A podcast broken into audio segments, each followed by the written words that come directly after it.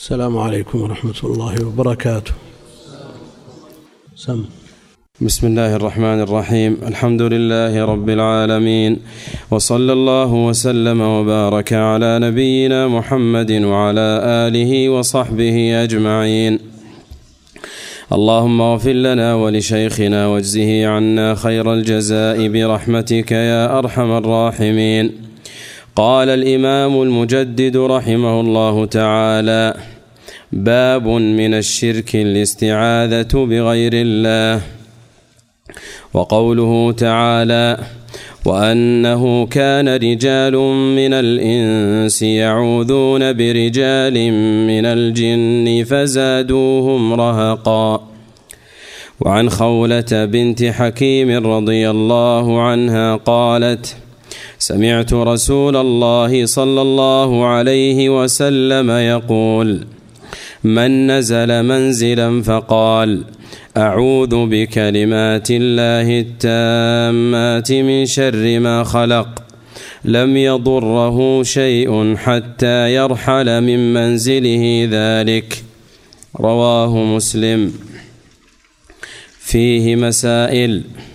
الأولى تفسير وأنه كان رجال من الإنس.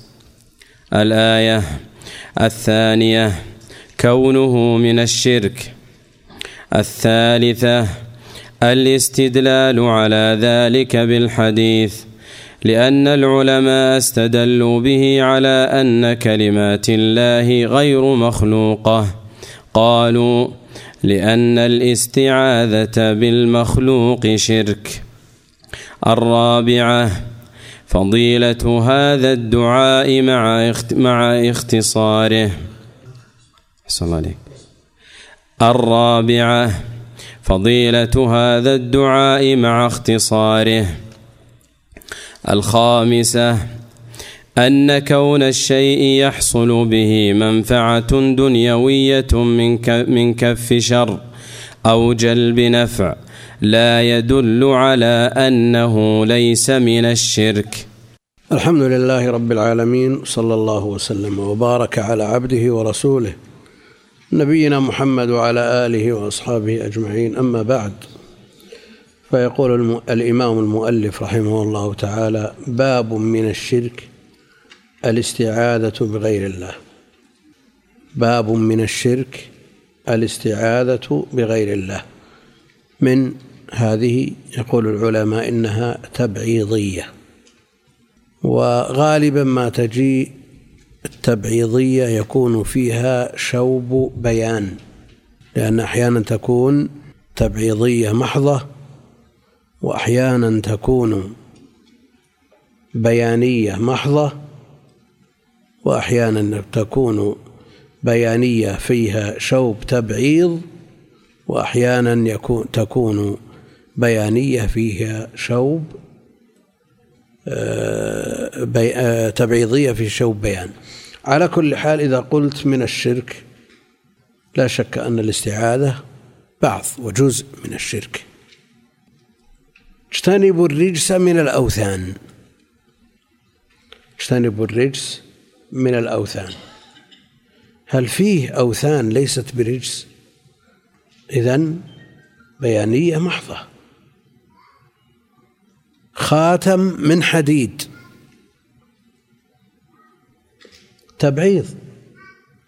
لكن فيه شوب بيان.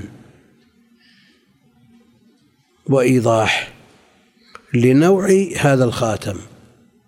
باب من الشرك. لا شك أن الاستعاذة جزء وبعض من الشرك. لكن هل فيها بيان؟ لهذا النوع من الشرك أو من وتوضيح أنه لا شك أنه واضح أنه من الشرك لكن هل هو من الأكبر؟ بيان وافي واضح. هل هو من الأكبر أو من الأصغر؟ على كل حال ال هذه في الشرك جنسية. جنسية. تشمل النوعين في الأصل لكن بيانها في الأحاديث في فيما ساقه المؤلف من الأدلة يدل على أن الاستعاذة بغير الله فيما لا يقدر عليه إلا الله شرك أكبر. نسأل الله العافية. والاستعاذة يقولون السين والتاء للطلب. فهنا يطلبون العوذ والاستعاذة الالتجاء لدفع مكروه.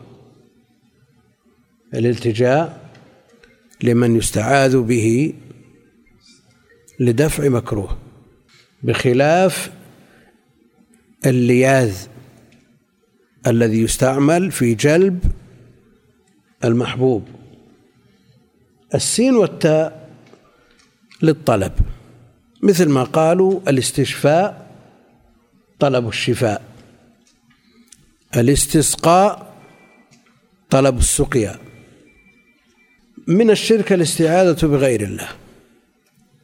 معلوم أن الشخص إذا استعاذ بغير الله فيما لا يقدر عليه إلا الله هذا من الشرك الأكبر نسأل الله العافية. قد يكون تكون الاستعاذة مباحة. قد تكون الاستعاذة مباحة إذا استعاذ بشخص يستطيع أن يدفع عنه. بمعنى أنه استعان به وحينئذ تأتي بمعنى الاستعانة. وهما متقاربان في في المعنى. وقوله تعالى وأنه كان رجال من الإنس يعوذون برجال من الجن فزادوهم رهقا. ويبقى أنه لو كانت الاستعانة والاستعاذة من النوع المباح بمخلوق فيما يقدر عليه يبقى مسألة القلب وتعلق القلب. ما يتعلق بالقلب إذا استعنت بمخلوق فيما يقدر عليه وركنت إليه بقلبك وملت إليه هذا فيه شوب شرك. أن تستعين بتاجر يقضي عنك دينك. لكن لابد أن تعلم أن المال مال الله وآتوهم من مال الله الذي آتاكم. وأيضا كونه يعينك ويقضي دينك هذا أيضا مظنون. هو مجرد سبب ومظنون أيضا. قد لا يلبي رغبتك. فالذي يقضي الديون والذي يغيث الملهوف والذي يعين المستعين هو الله جل وعلا. هذا الأصل. كون المخلوق يكون سبب يكون على يديه بعض هذه الأمور لا يعني أنه يستقل إنما هو سبب من الأسباب. ولذا يأتي المحتاج إلى الغني ويبين له ويشرح حاجته فيعطيه. ويأتيه آخر وقد تكون حاجته أشد فلا يعطي لماذا؟ لأن المعطي والمانع هو الله جل وعلا. والرسول عليه الصلاة والسلام يقول إنما أنا قاسم والمعطي الله جل وعلا. وعلى هذا ينبغي أن يتعلق قلب المسلم بالله جل وعلا. وقل مثل هذا في جميع الأسباب. المريض يدخل على الطبيب. بعض الناس لا يستحضر إلا هذا السبب.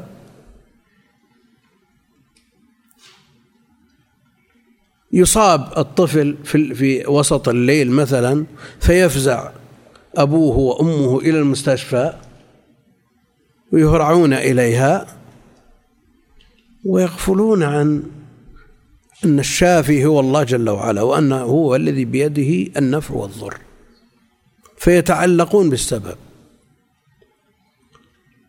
ويتركون الله جل وعلا. وهذا من جملة الأسباب التي يختلف فيها طوائف المنتسبة إلى القبلة. فالأشعرية معروف أن الأسباب لا قيمة لها غير مؤثرة وإنما يوجد المسبب عندها لا بها. يعني كونك تعالج أو ما تعالج ما في فرق. لكن وجد الشفاء عند استعمال هذا السبب لا به. كما أنه يوجد الشبع عند الأكل لا به. والشرب والري عند عند الشرب لا به. يعني في حقيقة الأمر عندهم لا فرق. بين أن تشرب ولا ما تشرب تأكل ولا ما تأكل السبب ما له قيمة. وجوده مثل عدم لكن يوجد المسبب عنده. يعني مما ذكروه في كتبهم وليس من طريق الإلزام هذا منصوص عليه بالحرف في كتبهم أنه يجوز أن يرى أعمى الصين بقة الأندلس. لماذا؟ الأعمى. يشوف البقة صغار البعوض وهو بالصين في أقصى المشرق يراه في, في الأندلس في أقصى المغرب. لماذا؟ لأن البصر سبب والسبب لا قيمة له. ولا شك أن هذا وإن قاله من قاله وفيهم من فيهم من النوابغ والأذكياء والعباقرة يعني في الأشاعرة من عرف بالنبوغ. لكن الذي لا يقوده الكتاب والسنة إلى مراده لا بد أن يتيه. اللي ما يتمسك بالكتاب والسنة ويعض عليهما بالنواجذ ولا يتساهل ولا يفرط ويجعل من الاحتياطات اللازمة للاعتصام بهما لا بد أن يحيد يقابلهم المعتزلة الذين قالوا إن الأسباب مؤثرة. مؤثرة. بذاتها. ولذلك لو أن شخصا في أبرد أيام السنة في أبرد يوم من أيام السنة اغتسل في ثيابه وخرج. من دون تنشف ومن دون شيء. وآخر لبس من الملابس الداخلية والخارجية ولبس عليها ما لبس وخرجا جميعا. عند الأشعرية ما يرون بينهما فرق. ما بينهم فرق. لو جلس هذا عند النار يصطلي وهذا نام في السطح بهذه الطريقة ما في فرق بينهم لأن هذا سبب والسبب غير مؤثر. وإن حصل المسبب عنده هم يقولون يحصل عنده لا به. والمعتزلة يقولون إنما حماه هذا السبب. أهل السنة والجماعة توسطوا وعاملوا بالنصوص كلها وقالوا إن السبب له أثر لكن الله جل وعلا هو الذي جعل الأثر في هذا السبب. ولو شاء لسلبه إياه.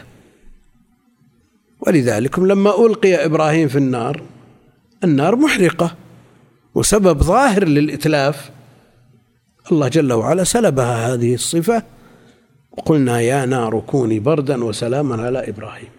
فعلى الإنسان أن يحتضر أن يستحضر المسبب وهو الله جل وعلا ويتعلق به. لذلك جاء في التوكل وغايته في حديث السبعين الألف الذين يدخلون الجنة بغير حساب ولا عذاب. وأنهم لا يسترقون مع أن الرقية سبب. وحصلت منه عليه الصلاة والسلام رقى ورقي. ولا يكتوون مع أنه نص على أن الشفاء قد يكون في كية نار. وغير ذلك من الأسباب لئلا يعتمد الإنسان بقلبه إلى هذه الأسباب. ويترك المسبب. وإلا فالأصل أن الأسباب ما فيها إشكال بل قد آه، تتعين في بعض الأحوال.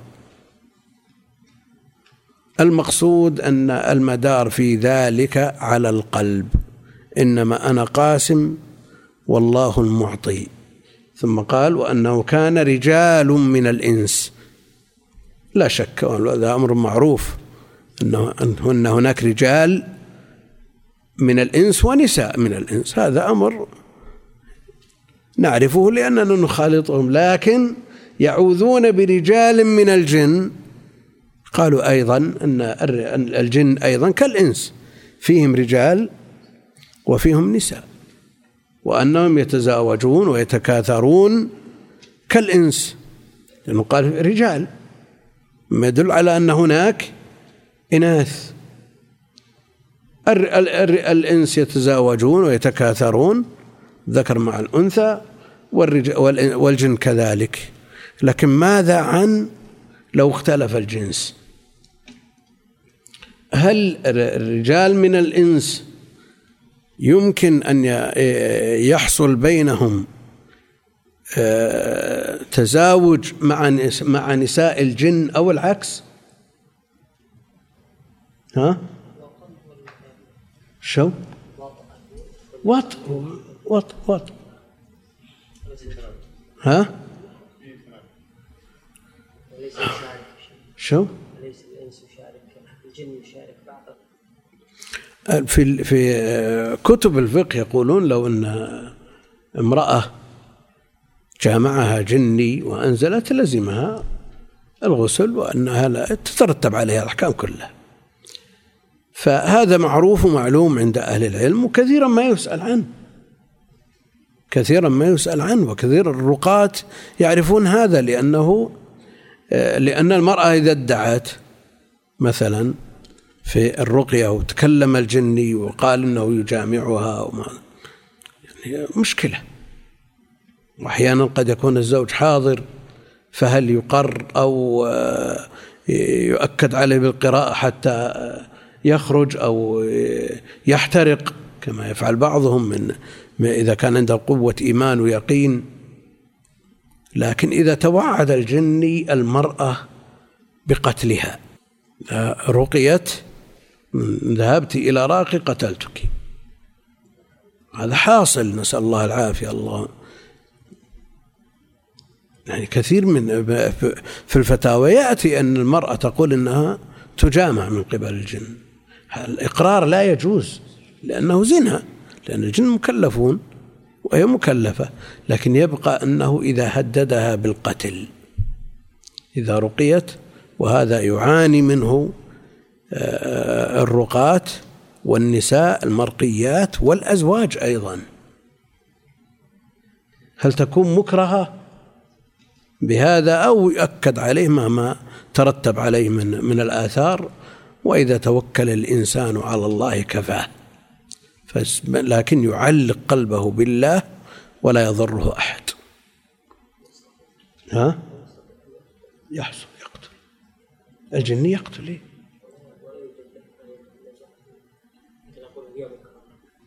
لا لا. طريق النجاة أن يوجد راقي وأن يوجد الثقة بالله جل وعلا من المرقي وجميع الأسباب التي ذكرت في الرقية. ها؟ وما يوجد إكراه مع مع مع توافر جميع الشروط. لكن حتى الراقي أو المرقي إذا كان عنده شيء من الخلل.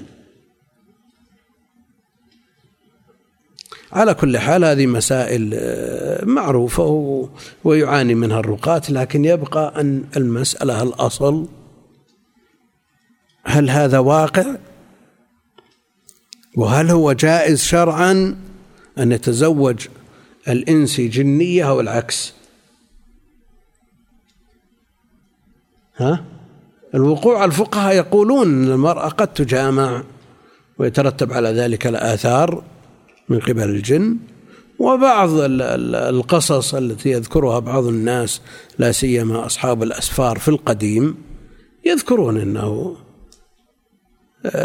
تزوج جنية لكن الإنجاب هو اللي محل الإشكال.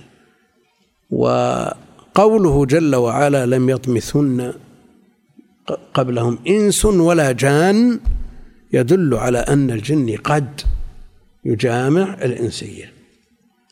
هذا في دليل. فيه دليل على أنه يجامع الإنسية. ما قيل عن بلقيس ملكة سبأ وأن أمها كانت جنية هذا ذكره المفسرون وفي الغ... في ال... ولعله متلقى من الإسرائيليات.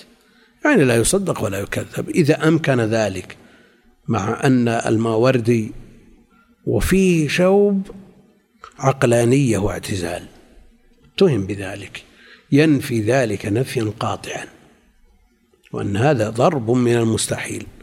والمفسرون ذكروا ذلك وفي قصة بلقيس في سورة النمل. ها؟ نعم في سورة النمل. ذكر القرطبي بعض هذا الكلام أو شيء منه.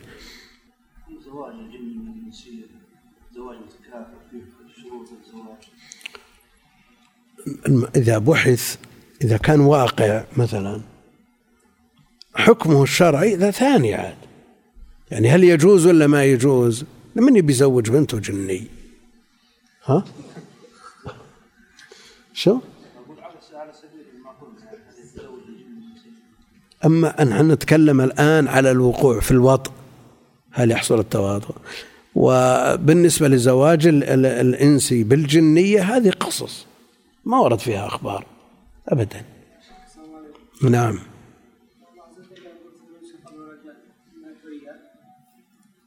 إي لكن يدل على أنه ممكن أن الانسي الجني يطأ ما يطأه الانسي وأخذ العلماء من ذلك أنه ممكن أخذوا الإمكان. وأنه كان رجال من الإنس يعوذون برجال من الجن. نسأل الله العافية. يعوذون ويلوذون ويستعينون وبرجال من الجن يعني كان الواحد من أهل الجاهلية إذا نزل واديا استعاذ بسيده بسيد الوادي من سفهاء قومه. استعاذ بسيد هذا الوادي من سفهاء قومه. وقد يستجيب السيد ويعيذه من السفهاء. لكن هل هذا كونه يحصل فيه فائدة يخرجه من دائرة الشرك؟ لا. ولذا قال الإمام رحمة الله عليه في الفائدة الأخيرة الخامسة أن كون الشيء يحصل بمنفعة دنيوية من كف شر أو جلب نفع لا يدل على أنه ليس من الشرك. لا يدل على أنه ليس من الشرك. فالعبرة بما جاء عن الله وعن رسوله ولا عبرة بكونك تنتفع من فلان يعني الذي يمدح خليفة ويبالغ في مدحه. إلى أن يخرج إلى حد الغلو والمحرم ثم يعطيه يغدق عليه الأموال. يقول هذا حلال لأنه استفاد له. وأنه كان رجال من الإنس يعوذون برجال من الجن فزادوهم رهقا نعم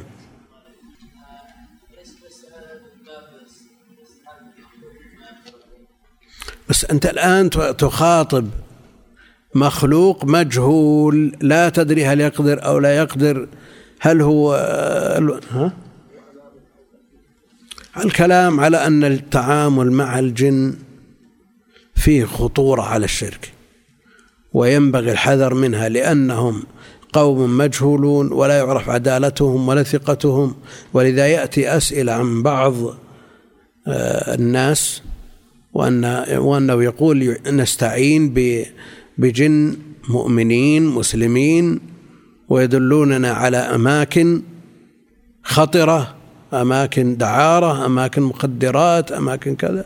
نقول كل هذا لا يجوز لأن الاستعانة بهم من خصائص سليمان عليه السلام. ما جاء إلا عنه. حتى النبي عليه الصلاة والسلام لما رأى الجني وأراد أن يوثقه حتى يراه صبيان المدينة قال تذكرت دعوة أخي سليمان. الأمر الثاني أن هؤلاء مجاهيل. وأخيرا الأمر معهم في غاية الخطورة لأن عندهم مكر وخداع واستدراج. واستدراج. لأنهم قد يعينون في أول الأمر شبه تبرع. ثم يستدرجون الإنسان حتى إذا تورط. نعم طلبوا منه أن يقدم لهم ما يشرك به. شخص يقول إنه آه، أحرق سبعين مملكة جن وأنه يتعامل معهم كأنهم إنس. ويستعين ببعضهم على بعض وأنه مشى على يديه آه، كذا مقعد عدد كبير من المقعدين وشفي على يديه بسببهم من أمراض كثيرة. والدليل السائل يقول والدليل على سلامة معتقده أنه لا يأخذ أجر أنه لا يأخذ أجرة. نقول هذا ليس بدليل. يكفيه أن يقول مشى على يدي مئة مقعد. يكفيه. هذه أجرته. لأن الإنسان يقدم مهجته ويقتل ليقال جريء. يكفيه هذا. فلا يعني أنه آه، أن طريقته سليمة لأنه ما يأخذ أجر. هذا الكلام ليس بصحيح. والتعامل معهم في غاية الخطورة. لأنهم قوم مجاهيل ولا يؤمن مكرهم ويستدرجون الإنسان لأنهم إذا أعانوه بغير سبب بغير تقديم شيء ولا شرك لا أصغر ولا أكبر وطلب منهم فأعانوه. ثم وصل إلى منتصف طريق. ثم طلب منهم فتوقفوا. وقد وعد الناس أن يفعل كذا أن يفعل كذا. لا بد أن يقدم لهم شيء ليستمر في عمله. الإنسان ضعيف لا يقوى مثل هذه الأمور. فالبعد هو المتعين. وأنه كان رجال من الإنس يعوذون برجال من الجن فزادوهم رهقا. زادوهم. الفاعل من؟ الجن. زاد الجن الإنس رهقا. يعني خوفا وهلعا وضعفا. كما هو شأن المرهق المتعب. فما استفادوا منهم إلا النقص. وبعضهم يعكس. يقول زاد الإنس الجن عتوا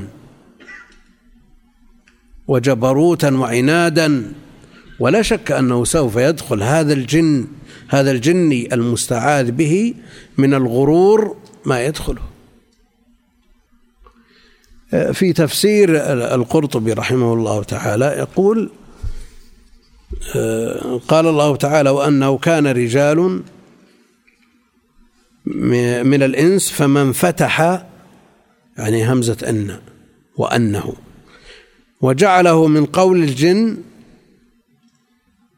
ردها إلى قوله أنه استمع ومن كسر جعلها مبتدأ من قول الله تعالى.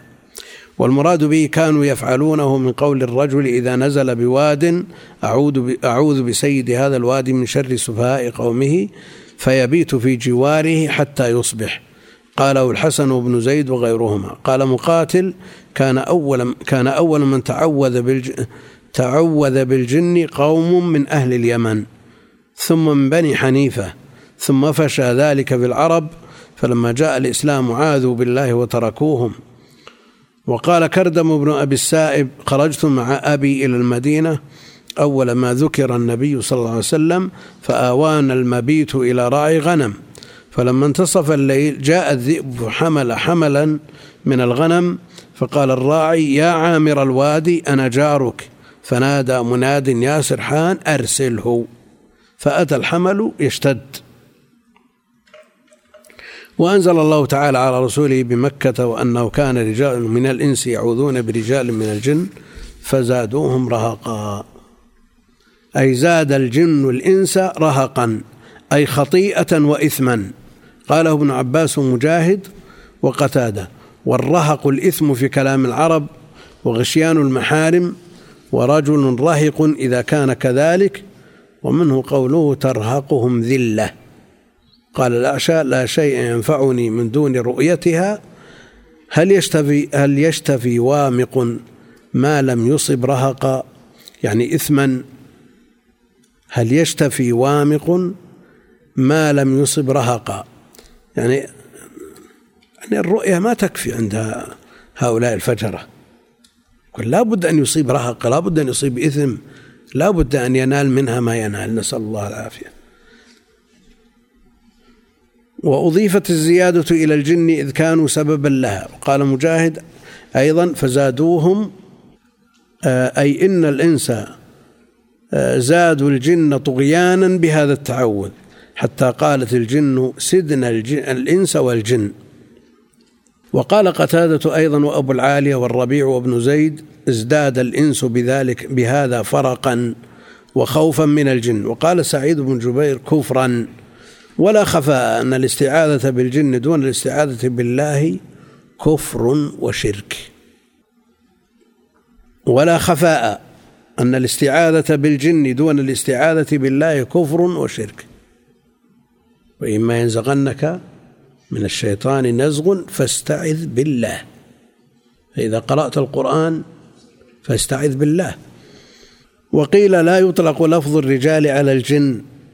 فالمعنى أنه كان رجال من الإنس يعوذون من شر الجن برجال من الإنس. وكان الرجل من الإنس يقول مثلا أعوذ بحذيفة بن بدر من جن هذا الوادي. قال القشيري وفي هذا تحكم إذ لا يبعد إطلاق لفظ الرجال على الجن. برجال من الجن صريح. ما له داعي لا داعي لمثل هذا التكلف. ثم أورد الحديث عن خولة بنت حكيم رضي الله عنها قالت سمعت رسول الله صلى الله عليه وسلم يقول من نزل منزلا فقال أعوذ بكلمات الله التامات من شر ما خلق لم يضره شيء حتى يرحل من منزله ذلك. من نزل منزلا سواء كان طارئا أو دائما. يعني في مسيره نزل في منزل يبيت فيه ليلة أو يوم وليلة أو ما أشبه ذلك أو جزء من الوقت وينصرف يقول مثل هذا الذكر. وهذه الاستعاذة. ومن سكن مسكنا جديدا يشمله ذلك لأنه نزل منزل سواء كان طارئ أو دائم. فقال أعوذ بكلمات الله. أعوذ ألتجئ. بالله جل وعلا آه، بكلماته التي هي عموم كلامه أو القرآن على وجه الخصوص وكلام الله صفة من صفاته غير مخلوق. وبهذا استدل أهل السنة والجماعة على أن القرآن كلام الله غير مخلوق لأنه لو كان مخلوقا لما جازت الاستعاذة به. لما جازت الاستعاذة به لأن الاستعاذة بالمخلوق شرك. فقال لكنه استعاذة بصفة من صفاته جل وعلا وهي كلامه. أعوذ بكلمات الله. التامات من شر ما خلق. التامات. عندنا التام وعندنا الكامل. أيهما أكمل؟ اليوم أكملت لكم دينكم وأتممت عليكم نعمتي. أيهما أكمل؟ أتممت. ها؟ أتممت. أتممت؟ ليش؟ أكملت لكم دينكم. الكامل لا يحتاج إلى مزيد. والتام يحتمل المزيد. ولذلك الدين غير قابل للزيادة. والنعمة قابلة للزيادة. فأيهما أكمل؟ الكامل. هنا قال أعوذ بكلمات الله التامات. ما قال الكاملات؟ هل لأنها تقبل الزيادة؟ لا. هم؟ كلام الله. ما في شك أنه قديم النوع متجدد الأحاد متى يتكلم متى شاء وإذا شاء. إذا متى شاء إذا شاء. فالله جل وعلا لا يزال يتكلم. أعوذ بكلمات الله التامات من شر ما خلق. قد يقول قائل أن الكامل والتام إذا اجتمعا افترقا وإذا افترقا اجتمعا فتكون التامات والكاملات بمعنى واحد. وهذا لا يبعد مثل الإيمان والإسلام. أعوذ بكلمات الله التامات من شر ما خلق. من شر ما خلق. ما موصولة. أو مصدرية من شر خلقه أو من شر الذي خلق. وهذا وإن كان لفظه لفظ عموم إلا أنه من العموم الذي أريد به الخصوص. يعني من شر ما جبل على الشر أو ما فيه شر من خلقه. وإلا فهناك أشياء من مخلوقاته هي شر محض وفيها ما هو خير محض وفيها ما فيه شر وفيه خير. المقصود أن الخير المحض لا يدخل في النص. فالأنبياء والرسل والجنة كلها خير محض ما فيها شر لا يشوبها شر. فلا تدخل في هذا الحديث. لم يضره شيء حتى يرحل. الراء في يضر. ضبطت بإيش؟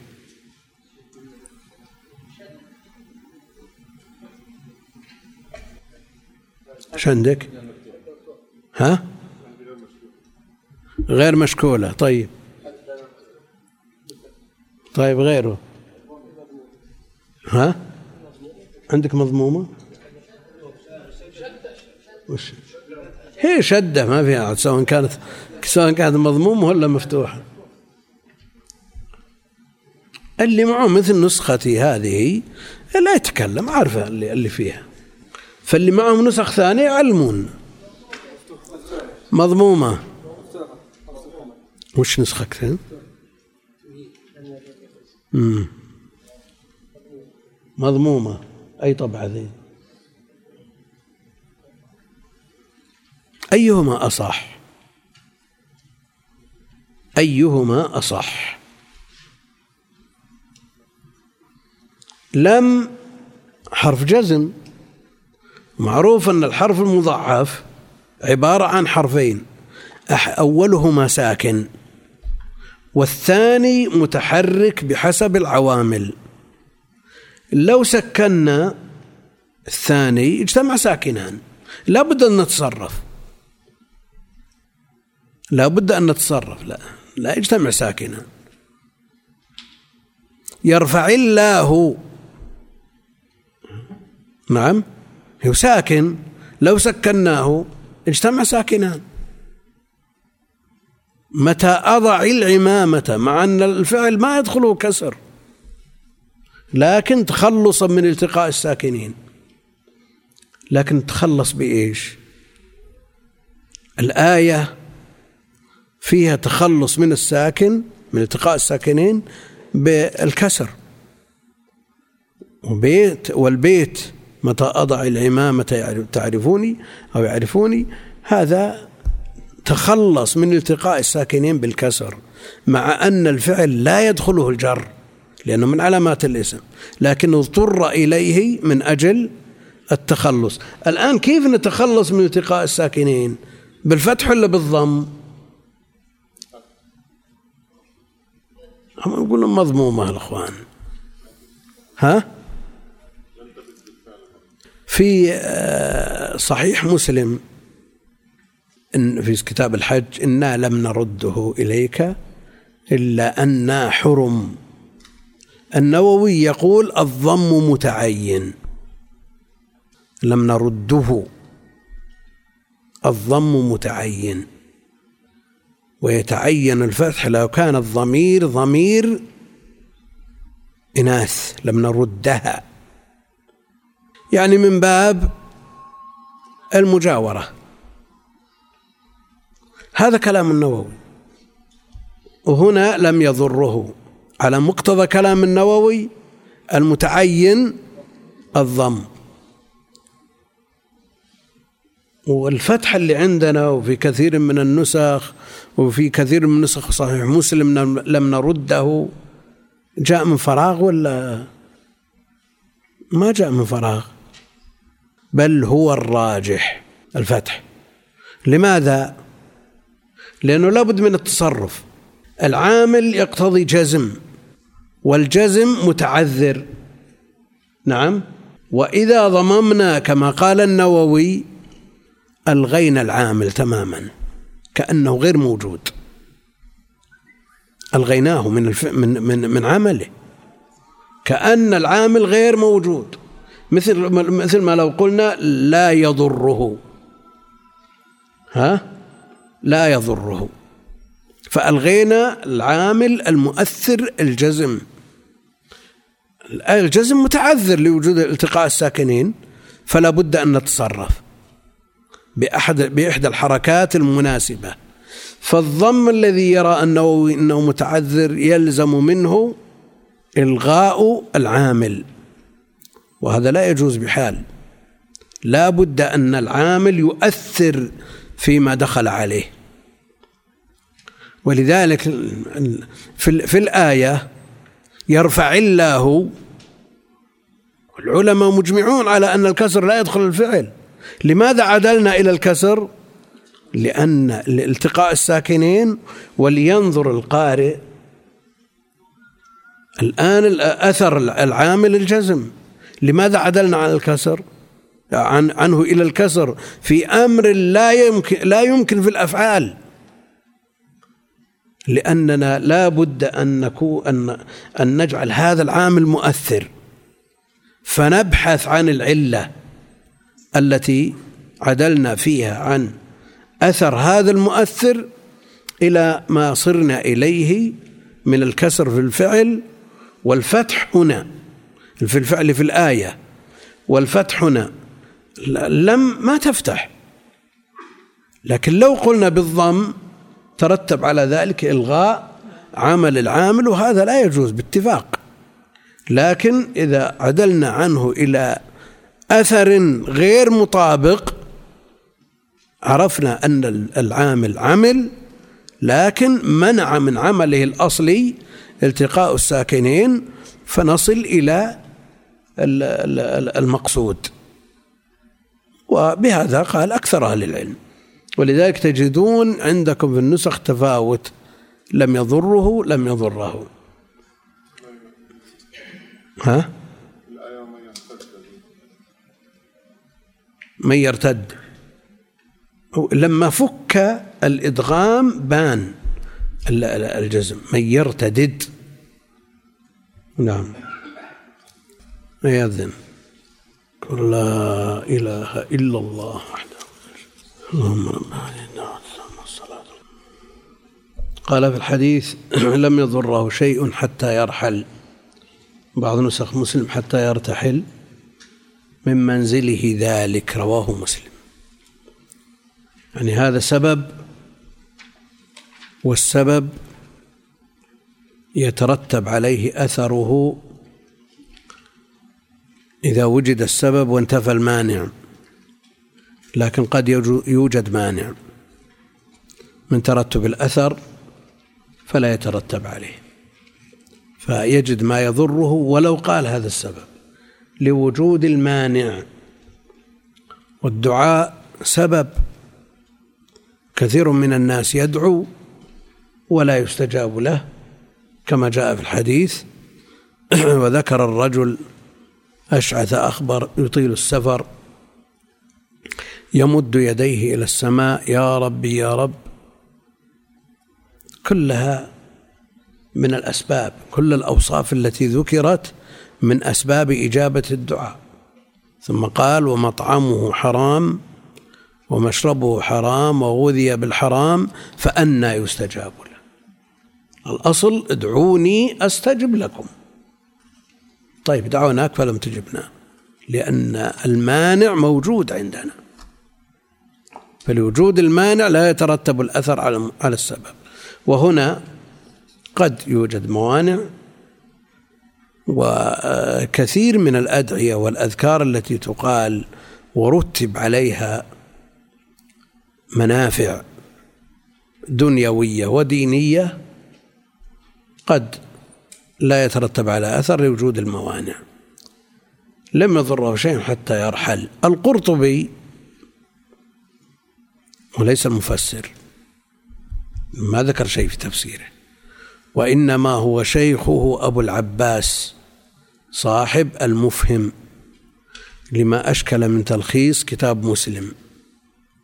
يقول أنه جرب هذا. ما نزل منزل إلا يقول هذا الذكر والاستعاذة فما أصيب بشيء إلا مرة واحدة. يقول آه، لدغت بالمهدية فتذكرت أني لم أقله. ما قلت هذا هذه الاستعاذة. وإذا أراد الله شيء يسر أسبابه إذا أراد لك شيء أنساك. أو نسيت نعم. عاد هذه مسألة ثانية. لأن منهم من قال أنه قد يقول الذكر فيصاب لكن لا يحصل من هذه الإصابة ضرر. لا يحصل من هذه الإصابة ضرر. لم يضره هذا النص. شيء حتى يرتحل أو يرحل من مكانه ذلك. طيب مسألة وهي أن شخصا من أو من سمع مثل هذا الحديث فقال هذا الذكر لئلا يتضرر. يعني ما استحضر غير هذا بس عشان ما يتضرر. وبعض الناس يحرص على صلاة الصبح إذا أراد أن يسافر ليكون في ذمة الله. نعم. غير مستحضر النصوص أخرى وأجور أخرى وأن هذه الصلاة من صلى البردين دخل الجنة غير مستحضر هذه النصوص كلها. هو يصلي لكن يحرص على الصلاة صلاة الصبح مع الجماعة أكثر إذا أراد أن يسافر ليكون في ذمة الله حتى يمسي وبعض النصوص التي يرتب عليها أجور في الآخرة مع الانتفاع في الدنيا. ملاحظة هذا الانتفاع هل يؤثر في أجره أو لا يؤثر؟ هذا الذي ما ما يحرص على الصلاة إلا من أجل الانتفاع في الدنيا هذا أمره معروف. لكن شخص يقول أنا أصلي وأثقل الصلاة على المنافقين العشاء والصبح ومن صلى البردين دخل الجنة وأنا أتقرب بذلك إلى الله جل وعلا وألحظ أيضا أني أحفظ في سفري وأكون في ذمة الله. نعم؟ هل هذا فيه تشريك؟ ولا ما يؤثر لا يؤثر. لا يؤثر لماذا؟ لأنه لو كان مؤثرا لما نص عليه. لو كان مؤثر ما نص عليه في الخبر. حتى يرحل من منزله ذلك رواه مسلم. قال رحمه الله في مسائل الأولى تفسير وأنه كان رجال من الإنس. وسبق الكلام فيها ونقل كلام المفسر القرطبي رحمه الله. الثانية كونه من الشرك. ونص أهل العلم على أن الاستعاذة بغير الله جل وعلا شرك. وقال إن لا لا إشكال أو لا خفاء. القرطبي يقول ماذا يقول؟ لا خفاء في كون الاستعاذة بغير الله. نعم. نعم. هنا. نعم. يقول القرطبي ولا خفاء أن الاستعاذة بالجن دون الاستعاذة بالله كفر وشرك. كفر وشرك. الثالثة الاستدلال على ذلك بالحديث. وجه الاستدلال أعوذ بكلمات الله وكلماته صفة من صفاته. يجوز الاستعاذة بها ويجوز الحلف بها اليمين مع أن الحلف بغير الله شرك. قال لأن العلماء استدلوا به على أن كلمات الله غير مخلوقة. يعني في ردهم على الجهمية أوردوا هذا الحديث. المعتزلة الذين يقولون أن القرآن مخلوق وفي الفتنة والمحنة التي حصلت في عهد المأمون ومن بعده استدلوا من ضمن الأدلة التي استدلوا بها على أن القرآن كلام الله غير مخلوق هذا الحديث. ولو كان مخلوقا لا ما جازت الاستعاذة به. قالوا لأن الاستعاذة بالمخلوق شرك. الرابعة فضيلة هذا الدعاء مع اختصاره. فضيلة هذا الدعاء مع اختصاره. نعم مختصر جدا. وهناك أذكار رتب عليها منافع دينية ودنيوية وهي يسيرة جدا ومع ذلك هي ثقيلة على كثير من الناس. وإلا كما جاء في الحديث من قال في يوم سبحان الله وبحمده مئة مرة في دقيقتين ما تزيد أو أقل دقيقة ونصف أحيانا حطت عنه خطاياه وإن كانت مثل زبد البحر. ومع الأسف أن يوجد من يسخر بمثل هذا الحديث. ويكتب في مواقع التواصل. قبل شهر أو أقل من شهر كتب. كيف تكفر ذنوب وكبائر ومعاصي وخطايا ومدري إيش ويتحمل من الأوزار وفي دقيقتين تمسح عنه كل هذه الأمور. نسأل الله العافية. ومعروف أن الكلام في الكبائر لا بد فيها من التوبة وما جاء في هذا الخبر من محمول على الصغائر. المقصود أن مثل هذه الأمور فضل الله لا يحد. فضل الله لا يحد. يعني ولو سئل الناس التراب لأوشكوا إذا قيل هاتوا أن يملوا ويمنعوا. والله جل وعلا منذ خلق الخلق وينعم عليهم ويرزقهم ولا تغيضه يده سحاء لا تغيضها نفقة إلا تنقصها النفقة. فيقيس المسكين فضل الله جل وعلا وسعة جوده وكرمه على ما عند المخلوق. نسأل الله العافية. العلماء جعلوا من علامات الوضع في الحديث أن ترتب الأجور العظيمة على الأعمال اليسيرة. نقول أخرج من هذا الضابط ما صح به الخبر. هذا في الصحيحين الحديث. نخضع لضوابط جعلها أهل العلم فيما لا أصل له من الأحاديث أو فيما لا يوجد في دواوين الإسلام. شيخنا الدعاء يقال مرة ولا ثلاث مرات؟ ها؟ الدعاء. شيء. مرة أو ثلاث مرات؟ هو التكرار النبي عليه الصلاة والسلام إذا دعا دعا ثلاثا وإذا تكلم تكلم ثلاثا.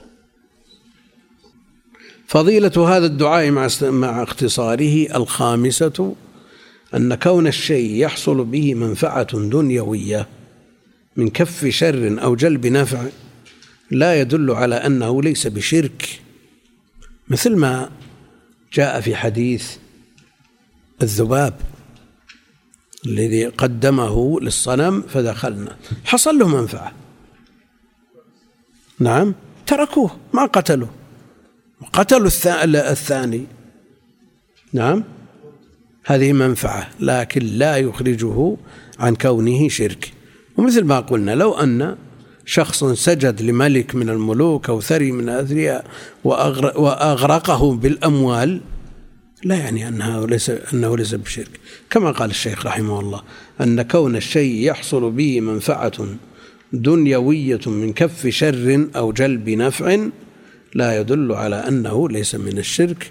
والله أعلم. وصلى الله وسلم على نبينا محمد وعلى آله وصحبه أجمعين.